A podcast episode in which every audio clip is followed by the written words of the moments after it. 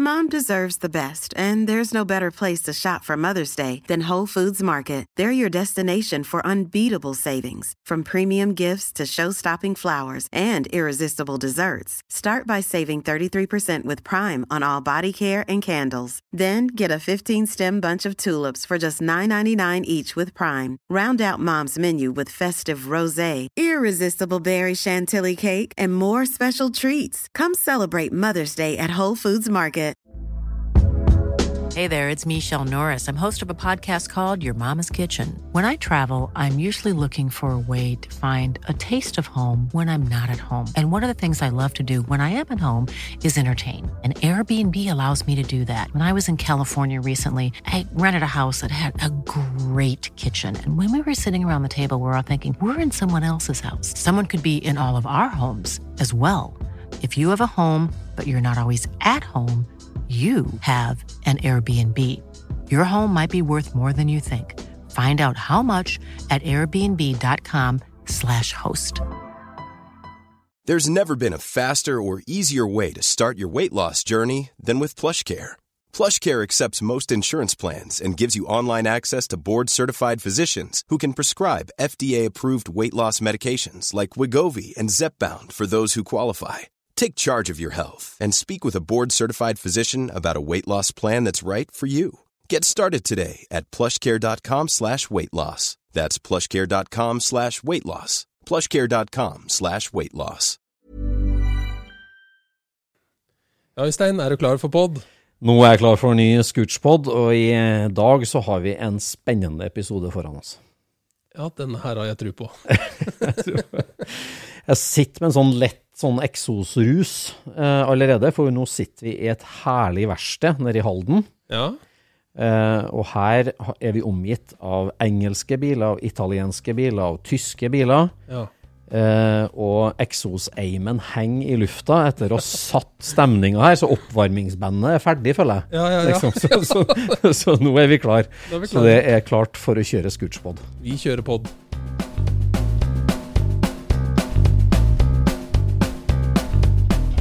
Du lytter nå til Scootspodden, en norsk podkast om klassisk bil med Jon Roar og Øystein.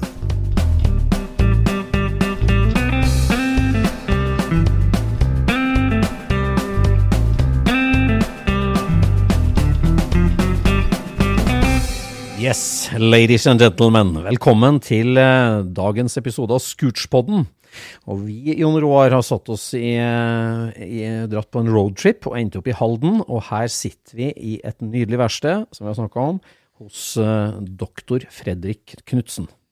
Velkommen hit. Mange takk. Men det er kanskje du som må si velkommen til oss, for du sitter jo i verkstedet ditt. Hjertelig velkommen til Halden. Ja, veldig hyggelig. Veldig hyggelig. Det her var en veldig hyggelig sak, og spesielt det å ta med oss mikrofonutstyret ut og kunne ta opp live i ditt eh, virkelig kosemiljø og hule. Her koser du deg. Ja, dette er eh, det vi kaller for en mancave. Ja. Ja, ja, ja. Det er kulminasjonen av å ha holdt på med bil som hobby i, eh, siden ja, sent på 60-tallet. Så liksom samlet verktøy og samlet deler og skaffet et lokale etter hvert. Først en leid garasje nede i Halden da jeg kom hit på midten av 70-tallet. Og så har jeg etter hvert kunnet utvide, og her jeg er nå, har mitt hobbyverksted. Ja. Så har, hit flyttet vi for åtte år siden. Åtte år siden. Ja. Jeg må jo si at det er herlig fritt for flatskjermer og Ja. DVD-spillere. ja, det har vi gjort litt narr av på en del.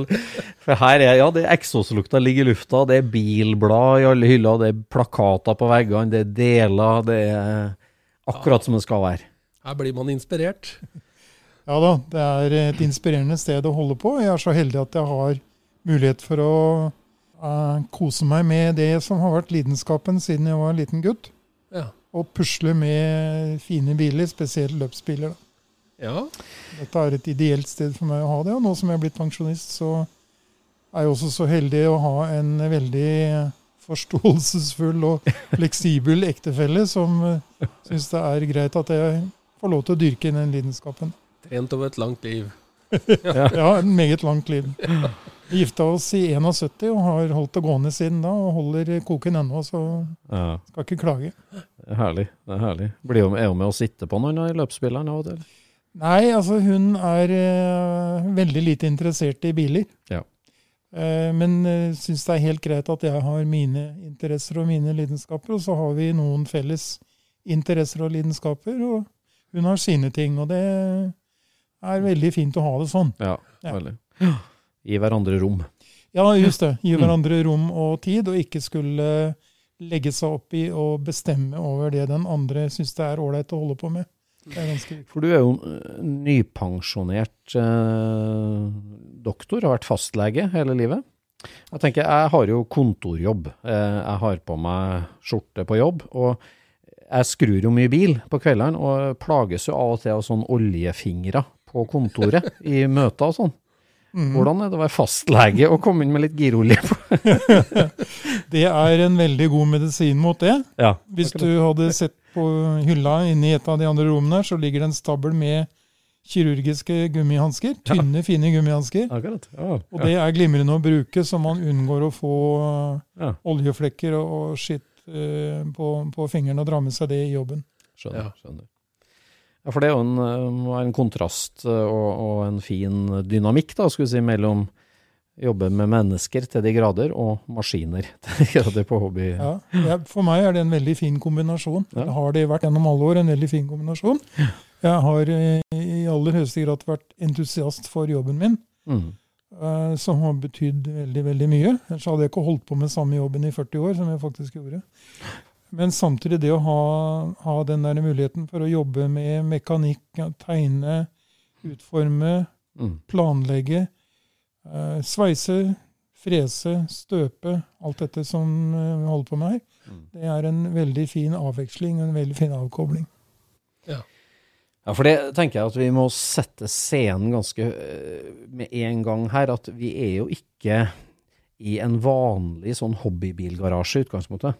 Nei. Fordi at uh, doktor Knutsen, vi, vi eh, f ble jo var ditt navn og har jo hørt om deg eh, lenge.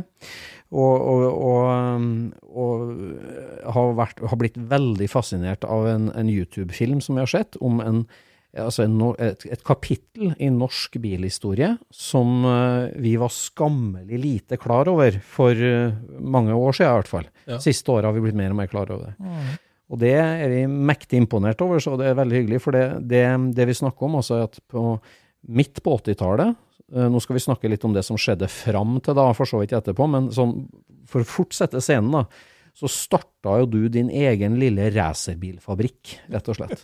Og designa og bygde en gruppe C-bil, en fullblods racerbil som kjører 300 km i timen. Eh, Cheek Racing Cars, som du starta opp og bygde i garasjen din hjemme i Halden her. Og det er en Det, det er liksom re, det, altså det er Flåklypa Grand Prix på ordentlig. Ja, på en seriøs måte, liksom. Ja. Var du motivert da? Er du? Eller? Eller? Altså, vi hadde, jeg har jo et par gode kompiser som jeg jobbet og delt interesse med i mange mange år. Og vi hadde jobba en del med gått gradene da, fra Mini Cooper S Ja. eh, og oppover, og endte opp med en eh, Lotus Esprit, som var en sånn super saloon basert på et Racer Sportsvogn-chassis og et tynt Lotus kopikarosseri i glassfiber som vi podet sammen.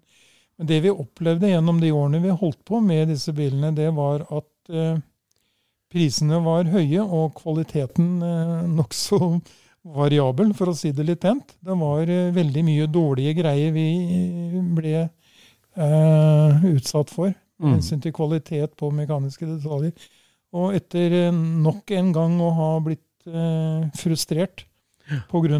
mangelfull kvalitet på det vi kjøpte, så ble min nærmeste kompis Terje Nilsen og jeg vi ble enige om at dette her kan vi pinadø gjøre like bra sjøl i Halden, eller rettere sagt i Tisteren.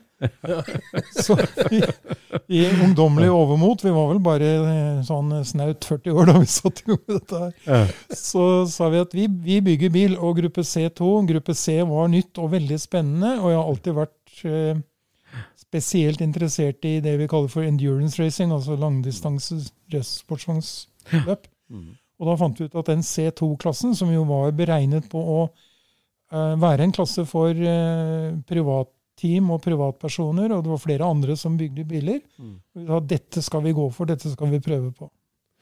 Ja, og vi snakker jo ikke en sånn uh, renska standardbil med annet karosseri. Altså gruppe C, for, for lyttere, er gruppe C er jo Porsche 962. Rotman, Rotmans-Porschen. Ja. Og, og 24-timeren og Le Mans. Og C2 var da en, en variant av den klassen, som du sier. Og det er jo Ja. fullblods racerbil vi snakker om. monokokk-sjassi midtmotor, 500 hester, 300 km i timen. Og ja, det er jo en, en oppgave og et prosjekt som er helt vilt, om du, utgangspunktet. Ja da, nå, nå hadde vi jo gått gradene, så den Ja. siste bilen vi bygde før eh, den, eh, vi- startet med det her Cheek-prosjektet, den Lotus Esprit, det var en fullblods racersportsvogn med replika Lotus Esprit-karosseri, men med to liter BDA på 260-70 hester og sånn, så det var en seriøs racerbil. Ja. Men det er klart en C2 er et ganske anselig hakk videre. Altså Forskjellen mellom C1 og C2 var ikke veldig store. Det var eh, i bunn og grunn en bensinforbruksformel. Altså i C1 så måtte du klare å holde deg innenfor ca. 5,5 liter bensin på mila. Ja. Mens C2 hadde tilsvarende 3,6 liter på mila. Okay. Sånn at C2-bilene var litt mindre, litt lettere, litt mindre motor. Mm. Og minimumvekten i C1 var 850 kilo, så var den eh, Eller var det 800 kilo? Og så var det 750 kilo Nei, jeg tror det var 750 C2, 700 850 i C1. Ja. Det er, eh, dette var 1982. Det begynner å bli en liten stund siden jeg husker alle detaljene. Så, men det er, bilene var jo teknisk sett veldig like, bare at den ene var en, hva skal vi si, en lillebror i forhold til Porsche 956 962. Mm, mm. Ja, for du, du sa jo så vidt innpå, du starta jo på 70-tallet og kjørte Mini Cooper. Og det var jo, nå, er jo, nå kjenner jo vi Mini Cooper som historisk racing, men du kjørte jo Mini Cooper for racing, for å si sånn. Kontemporærracing. Ja, kontemporær racing. Ja, Ja. Uh, Framhjulstekker, og så ble det Hilman Imp bakhjulstekker. Mm. når, når kjørte du ditt første løp, da? Hvilket år? Det var først- 1. august i 1976. Sånn cirka, ja. Mm. Så jeg har, eh, Du har god husk. Ja. ja, um, jeg ehm, har litt grann, jeg vet ikke om du skal kalle det stolthet, men jeg er egentlig litt fornøyd over faktisk å ha hatt lisens for hastighetsløp på 70-tallet, 80-tallet, 90-tallet, 2000-tallet, 2010-tallet og nå 2020. 2020. Så ehm, det er litt morsomt. Ja. Men altså, når eh, eh, Altså, familiehistorien din eh, gjør jo at det er jo ikke så unaturlig at du satt deg bak racerrattet i 1976. For du er jo vokst opp med en far som bygde en helt vill racerbil i kjelleren, du, egentlig. Ja, det er, det er helt riktig. Så det er noe med arvelighet og gener og sånne skumle ting her. Ja. Eh, bestefaren min Mm. han hadde bilverksted på Kampen. Eh, og han kjørte billøp på isen og bakkeløp og på travbane. Eh, med Chevrolet i mellomkrigsårene. Og han kjørte også løp med motorsykkel. Og fatteren min han bygde sin egen racerbil rett etter krigen. Du får det til å høres så naturlig ut. ja, akkurat. Altså Den generasjonen som faren min var, det, det var krigen. Mm. Det var begrepet 1939 til 1945. Mm. Det var aldri snakk om annen verdenskrig, det var snakk om krigen. Det var det de opplevde som var en veldig vesentlig del av deres tilværelse som unge, voksne mennesker. Mm. Og som, som jeg også er preget av, fordi at mye av de referansene jeg har, de, de går på ting som skjedde på 40-tallet, og hvordan det formet den generasjonen som ble min foreldregenerasjon. Du er født i 48. 48. Helt på tampen, vi understreke det. Mm. 19. desember, så det var ikke mye igjen av 1948. Nei, nei. Altså, han bygde racerbil da, ja, og så bygde han flere òg, oppover 50-tallet. Ja, det stemmer. Han bygde den første bilen eh, som var en enseter, åpen med åpne hjul. Den var eh, bygd i 46-47, og så var han så heldig, eller uheldig, litt avhengig av hvordan man ser på det, å treffe hun som skulle bli min mor. Som Det må jo vi si at vi var heldige. Ja. Det var et heldig funn. Altså fra, For mitt ståsted så er det litt sånn splitta. Fordi Ja. at uh, hun satte en effektiv stopper for racingprosjektene hans. Akkurat. Ja. Ja.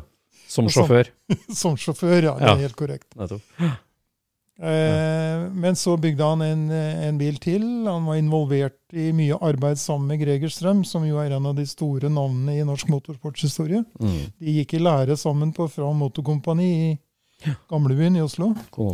Mm. Og eh, den siste bilen han bygde, det var den såkalte Maseratin, som de bygde på tidlig 50-tall, 53, mm. for Edvard Jølberg, som ble en veldig stor suksess. Vant mange løp og var en veldig vellykket konstruksjon. Ja, det er jo en av norsk motorsports skatter som ja, finnes i ja, dag også. Absolutt. Som har vært vist fram mye på museet på Lillehammer og vært, vært, rundt. Og er jo en virkelig spennende bil som eh, var hakket mer avansert enn å bare bruke ei Ford-ramme, for å si det sånn. Ja. Som mange av de har bygd på. Den hadde jo en sånn kupéfasong som, som var mm. ganske minnet litt om Ferrari, sånn midten av 50-tallet Mm. Eh, GT-stil, liksom. Mm. Så den var eh, ganske avansert, i hvert fall eh, på en del måter. så var det det, Men det var jo veldig begrenset mm. hva de hadde av tilgang på både mekaniske deler og, og verktøy, utstyr, og ikke å snakke om råmaterialer, sånn som vi har kunnet bruke til å bygge bil. Eh, og aluminiumslegeringer og karbonfiber og kevlar og alt det der. Det var jo helt primitivt, det de hadde jobb med den gangen. Så med det bakteppet så er det ikke rart at du blir bilinteressert. tenker jeg. Når skjønte du det? At, uh... Nei, det har vel liksom alltid vært sånn. Jeg har et bilde hjemme som familien syns er veldig morsomt. Det sitter en liten krøllete treåring med masse lyse krøller på verandatrappa på Nordstrandsøyda, der vi er oppvokst, mm. og leser Hot Rod Magazine med veldig konsentrert blikk. Hot Rod Magazine. Tre-fire år, altså så snakker vi 1,52 da? Ja, 52, ja. Mm. Yes. Mm, det var noen som kjøpte Hot Rod Magazine i Norge da. Ja. Familien Knutsen. det, det, står det respekt av. Det, respekt av. Ja, så det var, eh, det var, liksom Jeg vet ikke. Det, ble, det, var aldri aktuelt at det skulle bli noe annen sånn hobby, lidenskap, eh, nummer én i hvert fall, enn biler og, og bilsport. Så da fikk du førerkortet midt på 60-tallet, da? 66? Ja, tidlig slutten av 66. Mm. Og første bilen, da? Eh, spørs om du tenker på før eller etter førerkort. Vi hadde to eller tre biler før vi fikk førerkort, ja, som aldri kom på veien. Jeg hadde en Morgan Three-wheeler med matchless V2-motor. Som jeg holdt på med da jeg var konfirmant, altså konfirmant. 16-åring. Eh, men så fikk vi det for oss at vi skulle bygge en sånn 1172 spesial, som også var basert på Ford Prefect. Aha. Og så jeg solgte den Morgan og fikk kjøpt en Ford Prefect og ribbet karosseriet av den for å bygge ny ramme med delt foraksel og masse sånt, og lage en sånn 1172 sammen med faren min. Men så eh, kom vi over en parkert Austin Healey 104 på en gård eh, oppe i Odalen et sted, på en tilfeldig tur forbi. Og så falt jeg så dramatisk for den bilen, for jeg visste jo litt om Big healies og rallykjøring og alt det der. Så jeg tenkte at her må vi finne ut av uh, om den bilen er til salgs. Den så litt rufsete ut. Så vi uh, fikk tak i de som uh, eide den gården, og det viste at det var en, så vidt jeg skjønner, en beiler til dattera på gården som hadde hatt den bilen, og så hadde det blitt knute på tråden. Og så hadde han stukket av, men han hadde glemt igjen bilen. Så den Healien sto der, og den fikk jeg kjøpt etter veldig mye om og men for 300 kroner. Men den var i forferdelig dårlig stand. Ja. Så jeg uh, taua den bilen bak bilen til faren min på, midt på vinteren, i, den gangen vi hadde både is og snø på vinteren. Mm. Taua vi den hjem til Nordstrandshøyda fra Odalen. Og jeg satt baki der og frøys noe så inn i hampen. Og dagen etterpå så hadde vi eh, familielegen på besøk som stilte lungebetennelsesdiagnose. det, var prisen å betale for å få en Austin Healy. Det var å ligge tre dager med penicillin i hekken og lungebetennelse. Akkurat. Ble du ferdig med den da, eller til 18-årsdagen? Ja, eh, Nei, ikke til 18-årsdagen, men den var ferdig i, tidlig på året i 69. Ja. Um, og jeg kjørte den vel i et halvt års tid omtrent. Og så fikk jeg det for meg at jeg måtte ha en Mini. For da var jo Mini veldig hot. Ja. Og faren min drev en del med A-seriemotorer og Eh, Mini var moderne. Den hadde jo både varmeapparat den hadde til og med vindusspyler. Og ingen av de to tingene fantes på den der Healien. Å kjøre den gissen og bedrøvelsen man var i eh, 15-16 kuldegrader, det var eh, en blandet fornøyelse. Ikke den som bruksbil på vinteren. Så det ble en 64-modell Mini 850 med vindusspyler og varmeapparat og låsbare dører og masse sånn luksus. Luksus. Akkurat. Så ble det racing eh, med Mini, da. Altså, var det at du kjørte bruksbil Mini som du også kjørte på banen, eller? Nei, nei da. Nei. Det var, eh, jeg var vel såpass fornuftig at jeg eh, prioriterte utdanningen. Jeg starta med studiene i um, høsten 69. eh, og var ferdig i, eh, eh, til våren i eh, 75. Nei, Mm. 76. Mm. Eh, og da hadde jeg lovet meg sjøl at jeg skulle ha embetseksamen før jeg skulle tenke på å begynne å lage løpsbil. Mm. Så mm, siste par studieårene så jobba jeg litt på Røde Kors klinikk og tjente litt penger ved siden av studielånet. og Så var det så tilfeldigvis sånn at det fantes en litt eh, buklete, skrotete Mini som var billig til salgs. Og så hadde jeg noen gode kontakter på delesiden i Storbritannia, fordi at jeg hadde vært student i Nord-Irland. første tre årene var jeg der. Og da ble det borgerkrig, så da fant Statens lånekasse ut at det var like trygt å få meg vekk derfra, så jeg studerte de siste tre årene i Oslo. Men eh, fikk samlet litt deler til å bygge løpsbil Mini, og 1.8.1976 så kjørte jeg løp for første gang på Karlskoga med egenbygg 970 Cooper S. da. Hvordan gikk det? Eh, det gikk sånn at jeg syntes jo på forhånd at jeg kjørte jævlig fort. Ja. Jeg hadde personlig rekord. eh, Jeg hadde liksom tima avstanden mellom Ullevål sykehus og Nordstrandsøyda. Og pusset ut stadig på den tiden. Og så hadde jeg den gangen en venninne oppe på Håv i land. Og den eh, turen fra Nordstrandsøyda til Håv i land, den eh, syns jeg også at jeg gjorde unna med et tempo som eh, eh, ikke kunne matches av noen andre. Så jeg hadde relativt store forventninger da jeg skulle debutere på Karlskoga, til at dette her med å kjøre billøp, det skulle jeg vise hvor skapet kunne stå. Så jeg, Som nyutdanna lege å legge testløypa til og fra svigers, det hørtes jo det risikabelt det hører med til ungdomssyndene. Ja. Men det som er poenget her, det er egentlig det at jeg fikk noen ganske bratte lærekurver. fordi at da jeg kjørte ut og kjørte første treningsrunden på Karlskoga på sliks og greier, og brant til rundt trøskurvene, så jeg syntes at det kunne ikke være mulig at noen kunne kjøre fortere enn det, så kom det en kar og kjørte forbi meg på ytteren. Oi. Men det var ikke det verste. Han satt og styrte med én hånd, og så strammet han hjelmen, stroppen på hjelmen med den andre hånda. mens han kjørte Oi, oi. Da skjønte jeg veldig brått at her har jeg kanskje litt å lære. Akkurat. Så da gikk du gradene da, gjennom flere minier, og så Ja. over på bakhjulsdekker med Ja. Hillman Imp. Ja, det var to, to sesonger med Mini. Andre, jeg bygde én bil til første sesongen, og så bygde jeg et nytt karosseri og flyttet over en del mekanikk og gjorde en god del endringer til den andre bilen. Mm. Og kjørte noen løp med den. Og så um, var det et løp på Kinnekulle ring. På treningen så ble det noen vibrasjoner i forstillinga et eller annet sted. Så jeg tenkte skal jeg kjøre litt til, eller skal jeg kjøre ned i depotet og se hva dette er for noen ting. Og som tur var, så kjørte jeg ned i depot for å, å se hva det var. Idet jeg parkerte bilen, så datt det høyre forhjulet av. Oi.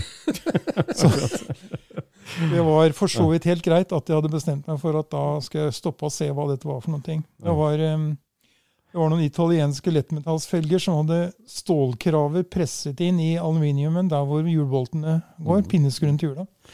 Og de, eh, der var det nok et aldri så lite eh, klaringsproblem, fordi at på det hjulet så satt hele hjulet satt med én sånn stålkrave, de tre andre var løse, viste det seg. Oh, yeah. Så det hjulet hadde falt av, og det kunne ha falt av under den eh, eh, venstresvingen på langsida under broa på Kinnekullring, hvor det går en 150 km, sånn, så kunne jo det hjulet gitt seg. Åh, Og det hadde ikke, hadde ikke vært særlig smart. Så da tok jeg den sjefsavgjørelsen å gå til over til å kjøre bil med bakhjulstrekk. Ja, akkurat.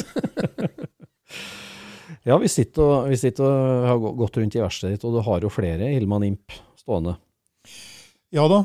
Um, fortsatt. Ja da. Jeg kjørte jo noen år med det på 70-tall, og så ble det stadig større og hvassere biler. og eh, strekke seg over enda mer eh, vidløftige prosjekter, for å si det sånn. Mm. Men etter at jeg hadde trodd at jeg hadde lagt hjelmen på hylla, Ja. eh, i 2004, så hadde sønnen min begynt å kjøre historisk racing med Mini, og så sa han det at du er ikke så gammel, så skal ikke du se å skaffe deg en Hillman Imp og prøve deg litt historisk racing du òg? Ja. Så tenkte jeg jo, det kunne jo vært litt gøy. ja. Jeg er ikke helt ferdig med liksom, å kjøre racerbil ennå. Og så um, Etter veldig mye søking og fram og tilbake, så fant vi en imp i Østerrike, like i nærheten av Bischofshofen. En som hadde gått i bakkeløp, og jeg fikk en video fra han som hadde bygd og kjørt den bilen, og det så veldig bra ut. Og kompisen min Terje, som jobbet i Prag, han var innom i Bischofshofen og så på bilen, og den hadde varetrekk på rattet når den ikke gikk, og sånn, for ikke å sette fettflekker på Mm. semskede skinn, og han var veldig imponert over dette. her, så. Vi eh, tok med oss lastebilen og dro til Bischofshofen og kjøpte imp og dro med den hjem. og Man har holdt på med bilsport i mange mange år, så har man vennligvis gått gjennom en del skuffelser og en del frustrasjoner. Men den impen den var vel eh, desidert i øverste skuffen der. Uff. Det var viste seg å være et pent karosseri utapå. Mm. Men det var gjort omtrent alt det gærne som kan gjøres mekanisk sett. Uff. Innvendig. Det var også bremserør med metriske nipler i den ene enden og tomme nipler i den andre enden. og. Helt eh, horribelt. Og eh, motor og girkasse det var satt sammen av skrot som man ikke hadde noe bruk for sjøl. Så jeg kjøpte den berømte katta i sekken med søkket i sekken. Altså. Virkelig. Dette var jo da i forbindelse med ja, comebacket da, til historisk racing, får vi si. Ja. Vi får spole tilbake til, til det som da skjer på 80-tallet, når du da har vært gjennom IMP-karrieren, og da gått gradene til Lotus Elise, som du sa. Eh, eller Esprit. Esprit. Esprit, ja, Lotus Esprit. Og, og der er det jo liksom at altså Så langt så kan det jo høres ut som en motorsportskarriere og, og en, eh, liksom en, en historie som for så vidt andre nordmenn kunne fortalt på et punkt. Men så skjer det jo noe veldig uh, unikt i hodet ditt, må jeg si, da, når, når du liksom bestemmer for at jeg, jeg skal bygge fra scratch en ordentlig bil, og ikke, ikke bare liksom en, en racerbil som skal gå fort i Norge, men en, en, en bil i internasjonalt topps- toppsjikt. Og du etablerer på en måte tanken om å skulle bygge flere chassis og starte en liten racerbilfabrikk, rett og slett. Det, altså, du er jo familiefar, du, har, eh, du er doktor, lege, travel jobb. Det, det er jo et uh, imponerende prosjekt, altså pågangsmot. Falt det naturlig, nærmest, eller, eller hvordan var det der? Ja, eh, det var jo enormt mye arbeid, enormt mye tid. Selvsagt. Men jeg startet hele prosjektet i garasjen, tre meter unna inngangsdøra mi hjemme. Og, madammen kunne komme ut og hale meg inn og feste en krok i eh, kraven på skjorta og bare bruke snøret og strekke meg inn i huset når jeg var ønsket. Så eh, det gikk nå på et vis, det, det der. Men um, greia var at det var så morsomt å holde på med dette, og så finne ut at ja, jeg får til å lage det sånn. Dette, dette kan vi faktisk gjøre. Dette kan vi få til. Altså det å være chassiskonstruktør for et sånt, det er jo en lang utdanning i utgangspunktet. Hvor, hvor, starta du hen for å Altså de første tegningene, eh, dimensjonerende altså krefter, eh, hvor, hvor, starta du hen da? liksom? Det er veldig mye eh, sånn det vi kaller for monkey see, monkey do. Altså, ingen har funnet opp kruttet på nytt igjen, og veldig mange av de som har bygd racerbiler profesjonelt opp til ganske moderne tid, har vært selvlærte mekanikere. Eh, altså Colin Chapman og Eric Brodley, Lotus og Lola henholdsvis, var vel stort sett de første som hadde en formell teknisk utdannelse. Eh, Cooper, som ble verdensmester i Formel 1 i 59 og 60, de var, eh, de var eh, grovsmeder. Mm. De hadde ikke noe teknisk eh, bakgrunn. Og, eh, ok, Owen Maddock, som konstruerte chassis, tegnet chassis for dem, han hadde en viss teknisk bakgrunn. Men veldig mange av de som lagde racerbiler, Formel Ford, eh, Formel 3, Formel 2 til og med, eh, det var folk som ikke hadde noe teknisk bakgrunn. Og så tenkte jeg at kan de klare det, så kan vi klare det òg. Vi hadde jo drevet eh, industrispionasje i en del år sett hvordan folk gjorde dette, og sett mange smarte løsninger og mange smarte, oppegående folk. Men vi har også sett mange luringer som ikke hadde peiling på hva de holdt på med, men allikevel tok seg fyrstelig betalt for å selge skrotet sitt. Så vi tenkte at ålreit, vi prøver. Stort dårligere enn det som vi har fått kjøpt her, det kan vi ikke lage det. Så vi lager norsk standard, og så ser vi om vi får det til. Og det, vi gjorde jo det. Ja, det gjorde det. Så da var det å få tak i noen aluminium sandwichplater for å bygge monokokksjassi. Ja, Det starta egentlig sånn at jeg i jobben min hadde en del å gjøre med et sånt internasjonalt uh, legemiddelfirma som heter Siba Geigy. Så visste jeg at Siba Geigi leverte bl.a. sånne det, det vi kaller for honeycomb-paneler til flyindustrien. Og med litt godsnakking og bruk av kontakter, så fikk jeg kjøpt eh, to sånne store, tre meter lange ganger halvannen meter, tror jeg, sånne honeycomb halvtom tykke plater, som altså har, har to skinn av halv millimeter aluminium, og så er det en sånn honningkakemønster aluminiumsfolie inni som er laminert sammen.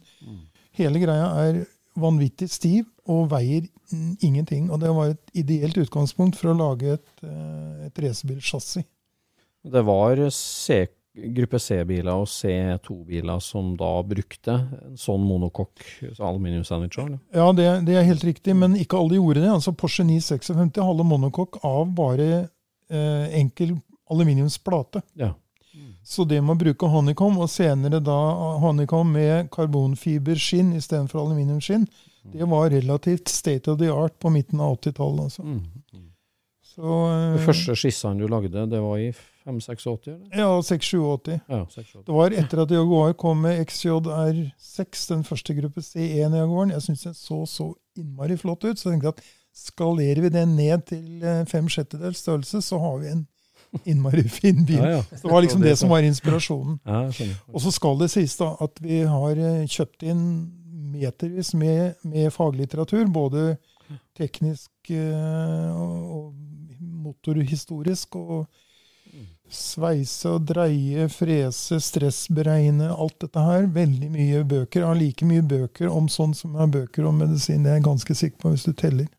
Og du har lært deg i prinsippet et, et, et nytt fagområde også, da, Ja, det, det, er på jo, fritida. ja da, det er jo det. Mm, Det er, det er autodidakt, det er selvlært. Mm. Eh, Men å konstruere en sånn forstilling, da er det vel inne på slippvinkler og, og dekkonstanter og ja. Er det her ting som dere fikk tak i, da, eller? Ja, eh, både ved å lese og velge ut noen mennesker som visste mye om det, Ja. og spørre. Og så hadde vi kontakt med en eh, kar som heter Chris Groves, som drev et firma som heter Geoscan. Som Ja. var blant de aller første som brukte datamaskiner for å analysere hjulgeometri. Ja. Og så tok jeg med tegningen bort til han, og så sa jeg Det, vil si, det gjorde jeg først med denne Esprin. Åssen Ja. ser dette her ut? Og han gjorde en del endringer og sa at en Chevron Esprit-chassis den hadde en god forstilling. Det var bare et problem med at den satt bak. Ja, akkurat. Ja. Så, Den er fin. så vi gjorde en del endringer på geometrien på den Esprit. Den ble veldig fin å kjøre. Og da jeg kom så langt at jeg hadde laget tegninger til Cheek C2, Ja. så fikk jeg Chris Groves til å gjøre en dataanalyse. Og hele tanken hans, som jeg syntes var veldig attraktiv, det var å forsøke å holde rollsenteret noenlunde konstant gjennom hele de bevegelsene som bilen ville gjøre, altså krenging. Sånn at du ikke ville få veldig stor rollsentervariasjon, og risikere bl.a. å Mm. sitte med en bil som understyrer når du tørner inn, Mm. og så går det en liten stund, og så plutselig overstyrer den istedenfor, fordi at du får migrasjon av Ja. anatomiske detaljer holdt jeg på å si, Ja, ja. i, i hjulepenger.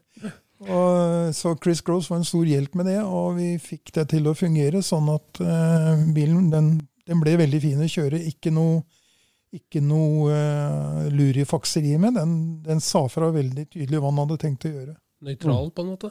Om Flads. Ja, den var nøytral. Den var eh, nøytral, og den var sånn at du kunne justere deg fram til Hvis du ville ha litt understyring der og litt overstyring der, Ja. så var den veldig eh, sensitiv på justering av krengere framme og bak. Mm. Og det går igjen på bl.a. sånn som at mm, geometrien er noenlunde stabil, men også at du har du har ikke fem fjærer, du har fire fjærer igjen i hvert hjørne, og så har du et chassis som er stivt Ja. Hvis du har et chassis som vrir seg, så har du en 50 fjær, og da er alt det andre arbeidet Ja. veldig, veldig vanskelig. Mm. Nei, vi kikka jo på eh, en av chassisene her sånn, og da, ja, da viste du jo hvor mye fjæringsvei, eller mangel på sådan, det var i et sånt chassis, og det ble imponert. Ja, det, Ja. Ja, så til å begynne med så, så trodde vi jo, ut fra erfaring fra før, at vi skulle ha såpass mye fjæringsvei, og så regnet vi oss fram til hvor sterke fjærer vi skulle ha foran og bak. Og så drev vi utviklingsarbeid og prøvde oss fram, og så gikk vi et hakk opp på fjærer, og så gikk det mye fortere. Og så kom jeg i kontakt med noen gode racerkjørere, sånn som André Vestby og ja, Alf Eng blant annet, da, og Børre Skiaker. Og så fant vi ut at jo stivere fjærer vi lagde, det fortere gikk det. Og til slutt så endte vi opp med fjærer som var noe sånn som tre og en halv gang så stive som de vi faktisk trodde var optimale da vi starta. Så det var okay. en lærekurve. Yes. Det var litt prøv og feil da, etter hvert. Det var prøve og feil, selvsagt. Ja, for all del. Men det er det. Det var det den gangen òg, Mm. for mange som bygger racerbil. Altså, Mm, mm. Eh, liten morsom historie. Kekke Rosberg kjørte Williams i Formel 1 Mm. og klaget over understyring. Han sa at vi må ha stivere fjære foran. Så. Ja, Men så sier Patrick Head, som var konstruktøren, at det er ikke snakk om, det er ikke fjærene som er problemet. Jo, sier Kekke Rosberg, det er fjærer. Gi meg dobbelt så sterke fjærer. Og de krangla så busta føyk, og så endte det med at de Jeg husker ikke tallene, men de tok et par fjerde lik de som satt på bilen. Og så skriblet de på, eller sveen med svipenn eller et eller annet, dobbelt styrke. Og viste til Kekke Rotberg og sa nå går det dobbelt så stive fjære på bilen. Og så monterte jeg dette, og Kekke kjørte, og kjørte mye fortere. Og sa han var ikke det jeg sa, nå går det bra. Det, det der er jo et medisinsk tisk. Placeboeffekten. Såkalt placeboeffekten. ja, Ja, ja. akkurat. Er det lov med placeboeffekter? Det er ikke bare lov, det er veldig rart. Det virker i hvert fall. Det virker som en kanon, det. Menneskelig komponenten. Nei, det er, det er fantastisk. Vi har, har vært i verkstedet ditt her og sett på den ene Cheek-bilen du bygde, da, og så bygde du to chassis til. Ett Mm. har, et har du solgt, og det tredje chassiset står igjen her òg. Og det er, eh, det er vel det er ordentlig racerbil, og det at du bygde det her eh, og dro det ut. Men jeg tenker, da har du jo bygd en bil som etter hvert vokste litt ut av dine kjøreferdigheter òg, da, eller? At du, måtte, du så at for å ta ut potensialet, så måtte du Men du bygde den for å kjøre sjøl, egentlig, til å begynne med? Eller? Jo, jeg bygde den for å kjøre sjøl. Jeg kjørte noen løp med den sjøl òg, men jeg, jeg innser jo det at eh, bilen gikk så fort og var så bra å kjøre at for å få rettferdiggjøre hva skal vi si, potensialet som ligger i bilen, Mm. så ville jeg ha en, eh, en sjåfør som eh, kunne og turte ta i mer enn det jeg var innstilt på å gjøre. Mm. Altså Da den bilen var ferdig, så hadde jeg, hadde jeg bikka 40 år, og tenkte jo at eh, jeg skal aldri komme dit at jeg skal vise at jeg hadde vært verdig en Formel 1-kontrakt. Liksom. Så dette kan jeg overlate til noen som har eh, enda litt større gonader enn det jeg har. Så jeg var helt happy, helt komfortabel med det. Og veldig moro det samarbeidet jeg hadde med de tre gutta som eh, virkelig var gode til å kjøre racerbil. Ja. Ja, for da tenker jeg på hva, hva, hva gir mest eller, alt, alt var jo en veldig spennende ting, men hva ga mest tilfredsstillelse? på en måte Var det å realisere en sånn utrolig guttedrøm, eller å være chassiskonstruktør og vise at du kunne plukke kirsebær med store gutter, skulle jeg si, eller, eller kjører veldig fort, men åpenbart ja. Mhm. Nei, jeg, jeg tror nok det at eh, det her å være uh, Skal vi si Være primus motor i et sånt prosjekt som kunne vise at vi i Tisteren i Halden, i Østfold, i Norge, Mm. kan bygge og utvikle og kjøre en racerbil på veldig høyt europeisk nivå. Mm. Det var en enormt stor opplevelse å være med på det. Og, og det var ikke noe sånn at jeg trengte å være sjåfør, men jeg var med og var liksom den som Mm. satt i sentrum av prosjektet. Så Mm. kunne jeg knytte til meg folk som kunne hjelpe til å ta dette prosjektet videre. Mm. Og det var en stor eh, glede og tilfredsstillelse. Og, Mm. og moro å si at yes, hvorfor i all verden skal ikke vi i Norge klare å bygge en C2-racerbil når de klarer å gjøre det i Frankrike og i Tyskland og i England og i Spania, for den saks skyld. Mm. Ja, og det reflekterte jo navnet du valgte òg. Cheek. Cheek Seto. Cheek spiller på cheeky, ikke sant? Det er helt, helt korrekt. Ja. Hva er det gode norske ordet for det? Cheeky. en, en liten frekk jævel. Jeg satt og tenkte på Freidig, men Ja, det. Er, er altfor fredsomlig. Frekk jævel, ja. Jeg er jo utdanna i, i Storbritannia, eller første halvdelen, i Nord-Irland. Og eh, irerne har en eh, relativt liberal omgang med relativt grove betegnelser i språket sitt. Ja. Så uh, cheeky little bastard. ja, ja, Det, er, eh, det var den jeg tok med meg. Spesielt etter at Ble du kalt det, eller? Nei? Ble Nei, du ikke jeg. Nei. I, I was never little. Eh, Men spesielt da etter at vi i vår entusiasme hadde kontaktet et herværende bilimportørsfirma ved PR-sjefen og sagt at eh, vi skal stille ut en norskbygd racerbil på bilmotorshow i Halden ishall. Den har motor som firmaet du importerer biler for, har eh, laget. Vil du være interessert i å komme og se på den? Og så sa, det vil si, det var ikke jeg som sa det, men det var min kompis Terje, som da var eksportråd i, handelsråd i, i em, Eksportrådet, og som sådan relativt god på å omgås eh, industrifolk. Og han fikk en bøtte isvann rett i maska med beskjed om at det var ingen i Norge som kunne være så dumme at de skulle tenke på å kjøre en sånn type bil en gang. Og i hvert fall ikke tenke på å lage en. Og da, da dukket det navnet opp, og tenkte jeg at eh, vi skal ha noen ting å vise her, så vi skal være Chic. bloody cheek. Ja, det er herlig. Det er herlig altså. Det Navnet var litt morsomt. Jeg har hatt mye moro av det. Ja. Nei, det er sånn, på, på tross av. Ja. For da debuterte du i 1989-sesongen, husker jeg det riktig? Nei, eh, nesten. Ja. Vi skulle um, Vi hadde boket å, å kjøre på Rudskogen 1.11.1989. Da var den banen akkurat åpen. Den skulle ha debutløp eh, våren 1990, men eh, det var åpen for trening. Så da hadde du bygd bil i verkstedet i Halden i to-tre år. Ja. Holdt du på å bygge det. Begynte i eh, 87, og så var vi ferdig til å kjøre 1.11.89. Ja. Og da gjorde siste forberedelse på kvelden, så kom Terje med sin Volvo 760 stasjonsvogn og henger. Det var bare det at da vi lastet opp på verkstedet jeg hadde her i Tisteren da, den 1. november, så begynte det å snø. Og før vi var kommet ut av Tisteren, så snudde det så mye at Volvoen ikke klarte å dra med seg hengeren. Og da var det klart at det ble ikke noe testing den dagen. da. Så da ble det heller eh, det første løpet på Rudskogen i 1990.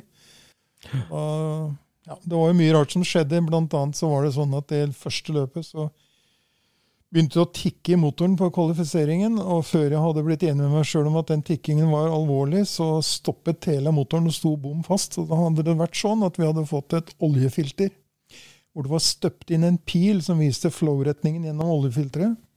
Det var at det oljefilterets flow-retning var reversert.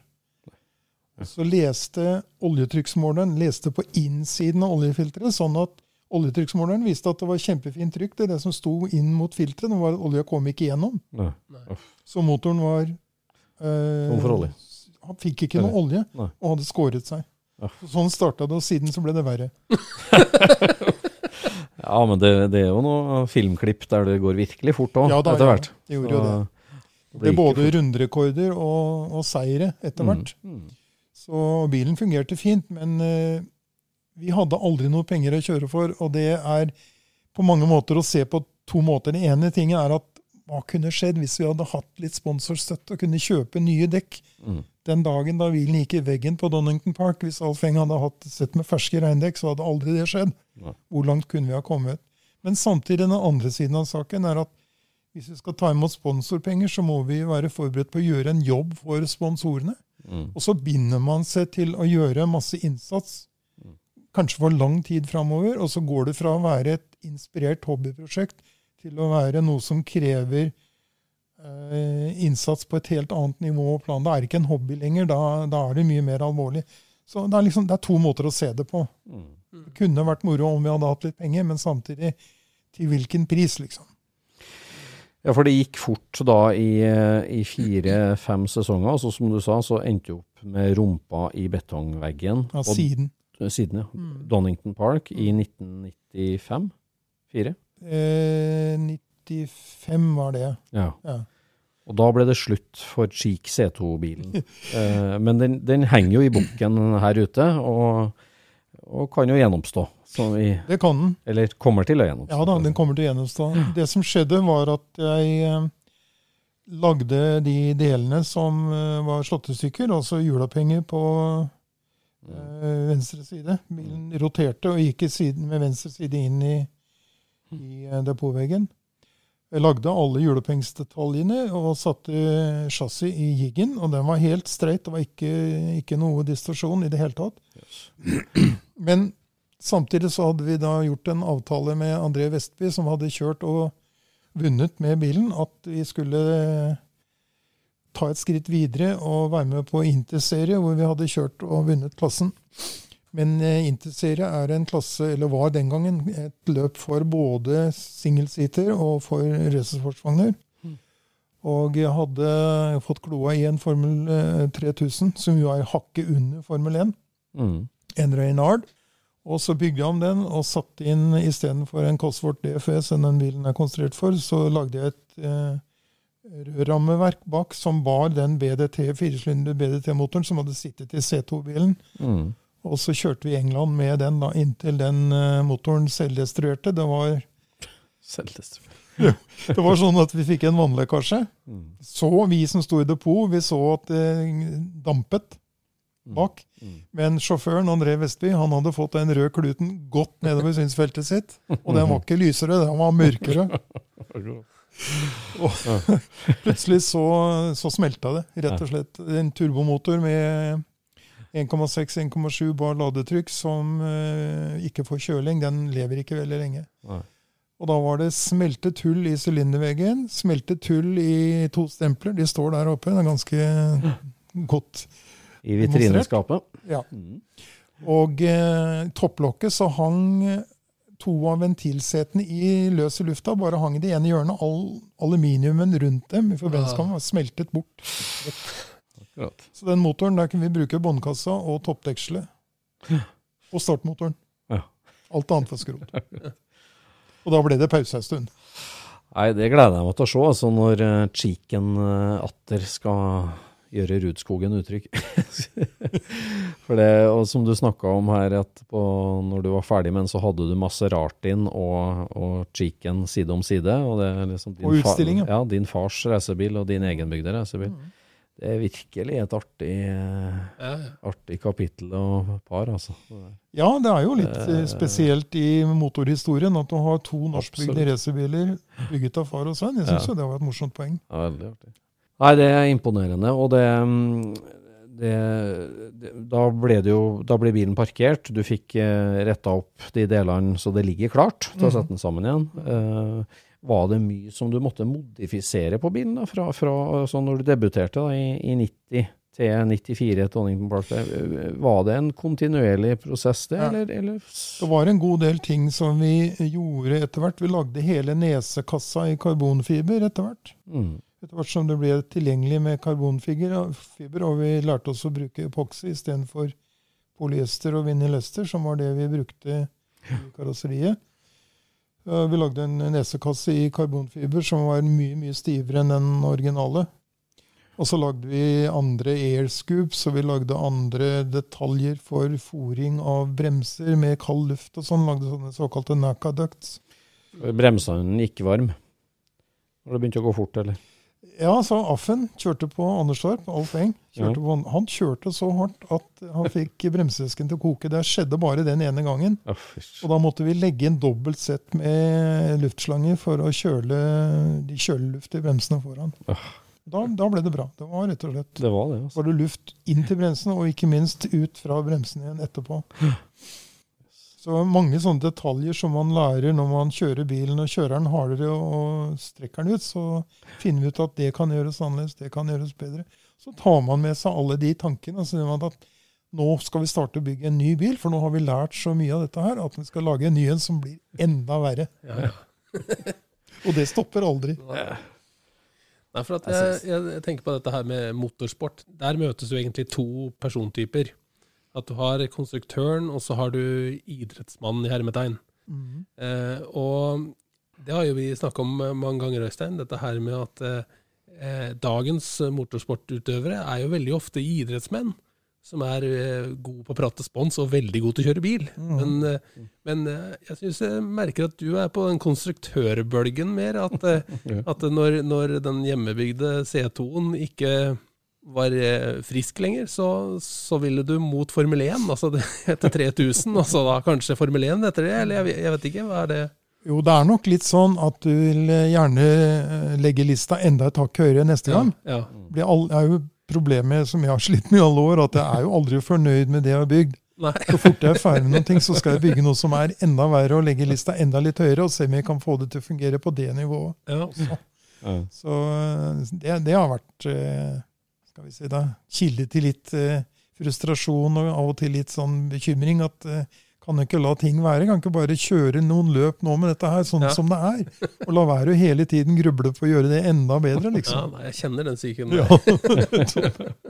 Det, det er jo en del av det morsomme med det òg, at utviklingen står ikke stille. Man holder hele tiden på å jobbe med tankene med at dette kan jeg gjøre enda smartere, enda bedre, enda lettere, enda stivere. Ja. Og når det blir så mange ting som du har lyst til å rette, så begynner du bare på ny isteden. Ja, da, da blir det veldig fristende å si at nå lager vi en ny bil som blir enda bedre enn denne her. Ja, ja, ja. Aldri reparere, kun konstruere.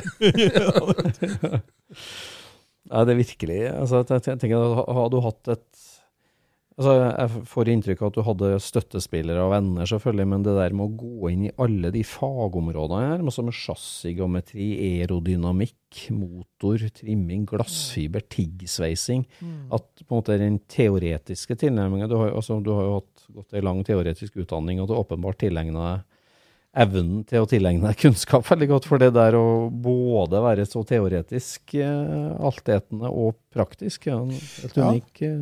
Eh, Ja. imponerende kombinasjon. Ja, men altså det teoretiske, det, jeg vet ikke hva det kommer av, men det har jo vært, eh, det har vært greit i alle år liksom, fra, fra skolen å tilegne seg boklige kunnskaper. Det har liksom vært, det har gått greit. Aldri vært noe stort uh, slitasje. Mens det har- håndverksmessig, det tror jeg har i genene til faren min. Det å, å lære seg å sveise og, som du sier, tiggsveise, som jeg syns var lekkert å få til. Eh, Og det er jo avhengig av at du har stødig hånd, altså at du har litt god eh, koordinasjon. Mm. Litt sånn kirurgisk Ja, grep. ja litt, litt sånn småkirurgi. Jeg drev med småkirurgi i 40 år, så jeg Ja, jeg vet litt om det òg. Jeg skjønner. Det er mye fine arr borti her. Hva sa du? Det er mye fine arr borti her. Det er, det er blitt mange fine arr, ikke for å skryte, men jeg har faktisk, jeg har faktisk hørt mange ganger at det blir eh, Det var noe av Og det er veldig fine tiggsveiser ute der òg. Ja, mange finner tiggsveiser, men det, det er faktisk litt, eh, litt alvor i det. fordi at De første årene jeg var på sykehus, så trodde jeg at jeg skulle bli spesialist i gynekologi og fødselshjelp. Ok. Så jeg var nesten fire år av gårde på en femårig spesialistutdannelse. Og på gynavdelingen i Fredrikstad, hvor jeg jobbet, der var det sånn at eh, holdningen gikk på at man skulle sy nett og pent og lage lekre små arr, fordi at vi gjorde keisersnitt på unge, pene damer. Ja. Ikke sant? Og da skal man ikke være kirurg og bare rafse dette her i, i hop og få et svært blått arr midt på magen. liksom. Man skal gjøre det pent, og det var sånn Hele spiriten på avdelingen var veldig fokusert på det. Og det har jeg egentlig tatt med meg videre. At det å, å gjøre sånn jobb, sy, Ja. det skal gjøres pent og nett og ordentlig, så skal man være veldig fornøyd med resultatet. Det betyr lite grann, faktisk. Det er klart. Ja. Ja, det ses. Blir det Skal du komplettere et Cheek 3-chassis, da? Hva Har du tenkt det? Ja, det spørs litt hvor, hvor langt eh, liv jeg skal få. Jeg har, som dere har sett, veldig mange prosjekter. Jeg har for øyeblikket to Mm. eller tre historiske racerbiler. Den ene er eh, ferdig og har vært i bruk noen år. Den andre er ferdig og skal brukes. Den tredje er eh, 75 ferdig. Mm. Og så har jeg et par andre landeveisprosjekter. Og så har jeg en Mark II Jaguar som jeg håper å kunne restaurere, fordi at jeg har én restaurert som er i daglig drift, hadde jeg sagt, i hvert fall på sommeren. Uh, Men jeg har en til, og så er det at jeg har to barn. Mm. Og jeg vil veldig gjerne at de skal få hver sin Mark II Jaguar. Det er dårlig gjort å ha bare én og dele på to mann.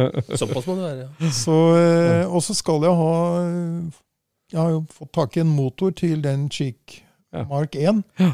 Som det har vært veldig moro å få sammen og kjøre demo, eller til og med kjøre historisk gruppe C med. Mm. Ja, Den så spennende ut under pleddet der. Ja, det er en saftig motor. Og så er det veldig ukomplisert eh, relatert til de turbomotorene som vi kjørte med. Altså, jeg kan tenke på at i 1988, 89, 90 så var turbomotorer i sin spede barndom, og spesielt, spesielt da på elektronikksiden. Så det vi hadde av eh, elektronikkstyring Bosch 1,2, det var som en stige med veldig lange sprang mellom hvert trinn oppover. Mhm. Ja. Så eh, det var komplisert å fikle med og sette inn forståelse på. Jeg har aldri vært noen motormann i hjertet, jeg er mer en chassismann. Så mm, vi fikk jo det til å fungere, men eh, den motoren som dere har sett på der ute, som jeg håper å kunne sette inn i Chick-bilen, det er jo en helt annen type motor. Det er en amerikansk motor, en Buick V6-er på 4,2 liter, som har vært i bruk i både i gruppe C i Europa og i IMSA i USA. Og eh, det er en eh, V6 som i prinsippet er en smallblock V8 som har mistet to sylindere. Og er en veldig enkel og grei og ukomplisert motor som bremser 520 hestekrefter. Mm. Så eh, jeg tror at det blir en meget potent motor å putte i den lette, fine, lille bilen. Ja, absolutt. Det blir herlig. Vi, vi gleder oss. Ja, for det, et, etter at uh, sønnen din har lurt deg inn i historisk racing i 2004 med Hillman Imp igjen, og debuten, så, så har du vært veldig der. Og da snakker vi Historisk Racing Norge, den serien som går nå. Ja. Som vi har snakka om før på Scootspoden, og som er veldig populært og et veldig bra uh, tiltak. Eh, og Der har du Alfa Romeoen eh, her ute, og så har du Jaguaren, som Mm. skal kjøre i to forskjellige klasser. Ja. Det blir herlig. Ja, det er jo liksom Det er også en av de tingene som har vært morsomt å realisere, å stille på en startstrek med en Jaguar. Altså, Fattern min var Jaguarmann på sin hals, og det tilkom vel etter at han var og opplevde Jaguar på Le Mans da tidlig på 50-tallet, som jeg sa. Han var også der sammen med Greger Strøm for øvrig i 1955, det året de hadde den der forferdelige ulykken. Ja. Hvor over 80 mennesker ble drept og langt over 100 alvorlig skadet. Det gikk eh, Mm. to eller tre dager før vi, som min mor og lillebroren min og jeg, var i, i, igjen i Norge. Og eh, vi leste i avisen at det var havnet en racerbil på hovedtribunen, og faren min hadde sagt de skulle sitte på hovedtribunen. Mm. Og fatteren min var mørk i håret og brun i øynene, og mutter'n var sikker på at hun var blitt enke, så hun var i ferd med å søke jobb på sentralbordet på Saugbrugsforeningen. De var sikker på at han kom aldri levende hjem. Nei. Det var ganske traumatisk. Og alt av telefon og telegraf var blokkert, for det var 250 000 mennesker som var der, og alle skulle gi beskjed hjem at de var hele og levde. Så alle sånne tjenester var blokkert, og det gikk to eller tre dager før vi fikk noen livstegn fra, fra faren min. Men i alle fall, da var også Jaguar seier da, i 1955. Mm. Litt kontroversielt, men en velfortjent seier. Og fattern hadde en, eh, et langt liv hvor han klarte å skaffe seg Jaguar. Han hadde en Mark 5 først, og så en Mark 2, litt lik den som jeg eh, har sjøl. Mm. Og så hadde han en XJ6 på, som siste bilen han hadde. Så Jaguar har liksom vært hans merke, og jeg er litt, litt av det samme har jeg i blodet. At akkurat Jaguar og Alfa Romeo har jeg liksom de som er i hjertet. Ja, du starta den opp for oss i stad her, og eh, det er bare å advare lytterne at eh, sesongen 2021, en, en mørk grønn saloon i brei sledd med grov lyd og en eh, Og god klang i svinghjulet. god klang i svinghjulet, ja. den, den Og turtalsvillig, de luxe. Ja. Ja, ja, veldig spennende prosjekt. Og ja, som bra sagt, artig. realiseringen av en, eh, en drøm og en ambisjon å stille på en startstrek med en Jaguar. Det er litt morsomt. Det gleder vi oss til. det er jo en bil som tar ett og et halvt uh, spor det, eh, i svingene, gjør den ikke det? Han ligger jo jeg, Har vi ambisjoner om eh, Goodwood-nivå her? Nei, Jeg vet ikke, jeg har aldri kjørt sånn bil med på CR65 Dunlop Dex, og hvor mye jeg håndterer av det, det veit jeg ikke før jeg har prøvd. Eh, hadde det skjedd for 30 år siden, så hadde det, hadde det vært eh, kanskje litt mer villskap ute og går, men eh, det blir kjempegøy å prøve, da. Ja, det tror jeg på. Det er jo en bil som man kjører like mye som fatter'n pleide å si. Når du skal kjøre løp med en sånn Jaguar, så kjører du like mye rundt svingene ved hjelp av gasspedalen som ved hjelp av rattet. Det er så ofte mer, enn det, mer med gasspedalen. Ja. Men det er ikke noe småtteri i den Alfa Romeoen her ute heller, da? Nei, det er en liten perle. Ja. Mm. Uh, Alfa Romeo vant uh, europeiske touringmesterskapet tre år på rad med 1300 GTA. Og dette er jo da en bil som ble bygget i spesialserie av fabrikken, med utseende tilnærmet lik vanlig Julia kupé, men eh, Bertone kupé, men med alt av karosseripaneler i aluminium. Ja. Motordetaljer i magnesium, helt egen kortere slaglengde, større boring, eget topplokk med svære ventiler, så de har to tennplugger, én på hver side, Ja. for å få plass til store nok ventiler. Ja. Så eh, en, eh, en fantastisk liten eh, racerbil, altså. Den er vanvittig god å kjøre. Så stabil og stødig og masse grep. Mm. Ja. Så det, jeg gleder meg til å få den ordentlig i farta på banen. Når vi ser, går rundt i verkstedet ditt her og over i eh, kaldtlager og sånt, så du, du blir ikke arbeidsledig med det første, ser jeg. Det, det, er- det, det er spennende prosjekter i alle kroker. Det er det. Jeg tror ikke at jeg uten videre risikerer i noe særlig grad å måtte slite i stykker noen sofaer i heimen som pensjonist. Eh, sofaene lever nok relativt trygt for eh, at jeg skal slite dem ut. Nei, veldig, veldig hyggelig. Eh, og utrolig imponerende historie du forteller, altså. Det, det, det syns jeg er veldig Ja, det er jo hyggelig at du sier det. Ja. Men eh, det er nå alltid Det har ikke vært i, Drivkraften har ikke vært å imponere omgivelsene. Drivkraften har vært at dette er ufattelig moro å være med på. Ja. Lidenskap og, og interesse. Og når jeg holder på her om kvelden alene mm. Og har eh, NRK Jazz på radioen, så kan jeg stort sett ikke ha det så innmari mye bedre. Det skjønner vi godt, altså. Det skjønner jeg veldig godt. Jeg eh, pleier å ta en sånn liten spørrerunde på, i forkant av disse podene for å høre om, eh, om det er noen som har noen gode spørsmål.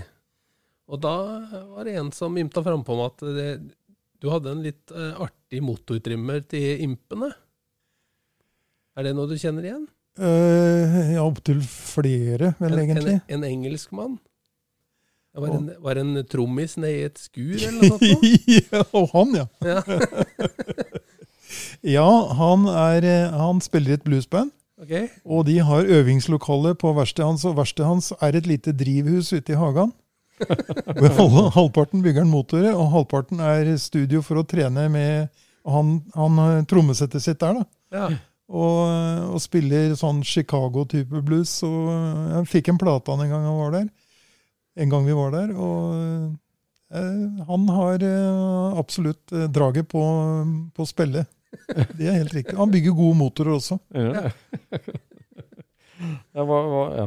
hva slags volum av hester er det i en sånn imp-motor? De verste der? Det er litt avhengig av hvilken størrelse du snakker om. Altså Standard er motoren på 850 kubikk, og det er jo det er den sånn som en 50 hestekrefter eller noe sånt. Mm. Når vi kjører gruppe 2, så er det 998 kubikk, altså 1 liter.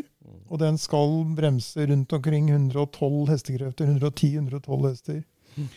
Og så kan du ta den opp og kjøre 1150-klasse. Kan ta den opp til 1120 eller 1122 kubikk ved å både øke boringa og ta en standard eh, smistykke av veivakselen og maskinere før du altså får maskinert den. Mm. Så maskinerer du bærelagerne på normalt sted, og så flytter du senter på rådene 5 mm utover, så får du mer slaglengde. Så kan du ta den opp til 1150 kubikk, og da har vi kanskje 120 hester eller noen ting Mm. rundt der. Så Hva veier en sånn bil? ja, det var det, da. Ehm, den impen i gruppe 2 må følge homologeringsvekta. Ja. Og det er eh, 660 kilo. Eh, mens Mini 1300, som er hovedkonkurrenten i den klassen inntil 1300 kubikk, er 40 kilo lettere og har 300 kubikk mer, så den har en tredel mer motor, en tredel mer dreiemoment, og 40 kilo mindre å bære på. Ja. Det, det er eh, ikke så enkelt. Alltid. Hvordan fungerer regnestykket da? Må du ta det i svingene, da? Eller, altså? Ja, altså eh, Det som er tungt med impen, det er hvis du må ned i langsomme svinger. Hvor du trenger dreiemoment for å komme Ja. skyte ut av svingene. På Vålerbanen går det veldig fint. Da holder du farta oppe hele tiden, så der kan du konkurrere med, med minier. Men eh, på Rudskogen, når du skal ned til slakteren og så nesten gå ned i krypefart og, og komme opp den bakken, Ja. så taper du en del eh, skyv ut av bakken. Altså selv med tette gir og sånn, så, så er det et problem med en, en liten motor som er avhengig av høyt turtall for å yte noen ting. Ja. Og det er der Jaguaren kommer inn. Det blir, eh, som de sier, chalk and cheese, som de sier i engelsk. Nei, vi gleder oss. Vi skal ta med oss Scootspoden og mikrofonene på et historisk racing. Ja, Det må vi gjøre en gang. Vi, Vi har tenkt altså, å få tatt opp litt motorlyd og litt forskjellig. Vi serverer York, Yorkshire te fra lastebilen, så det er hjertelig velkommen. Ja, det gjør det. Herlig. Det var veldig hyggelig at du tok deg tid i en travel pensjonisttilværelse, så mye bilprosjekt. Så mye du har å gjøre, liksom. Og få prate om dette kapitlet av norsk bilhistorie, og en spennende livshistorie. Eh, Takk for besøket, Fredrik. Takk skal dere ha. Jeg syns det er veldig hyggelig å bli invitert. Jeg syns det er veldig hyggelig å snakke med entusiaster, og jeg syns det er veldig snak hyggelig å snakke til entusiaster. Så det er eh, setter stor pris på å ha blitt invitert med på dette. Takk i like måte, og Takk for at vi fikk komme. Takk for uh, i dag. Scootchpoden produseres av SSC Media, med god hjelp av VV Norge og Trond Dahl for hosting, Knut Micaelsen for musikk. Abonner på Scootchpod via podcaster eller Acast, og følg Scootchpod på Instagram og se det vi snakker om. Der kan du også komme med kommentarer og innspill, og fortelle oss hva du vil høre om.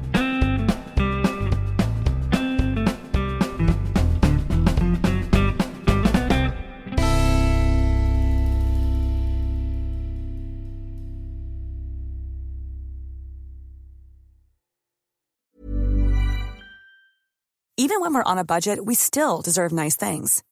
Quince is a place to scoop up stunning high-end goods for 50 to 80% less than similar brands. They have buttery soft cashmere sweaters starting at $50, luxurious Italian leather bags, and so much more.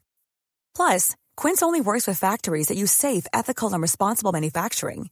Get the high-end goods you'll love without the high price tag with Quince. Go to quince.com slash style for free shipping and 365-day returns. Mom deserves the best, and there's no better place to shop for Mother's Day than Whole Foods Market. They're your destination for unbeatable savings, from premium gifts to show-stopping flowers and irresistible desserts. Start by saving 33% with Prime on all body care and candles. Then get a 15-stem bunch of tulips for just $9.99 each with Prime. Round out Mom's menu with festive rosé, irresistible berry chantilly cake, and more special treats. Come celebrate Mother's Day at Whole Foods Market.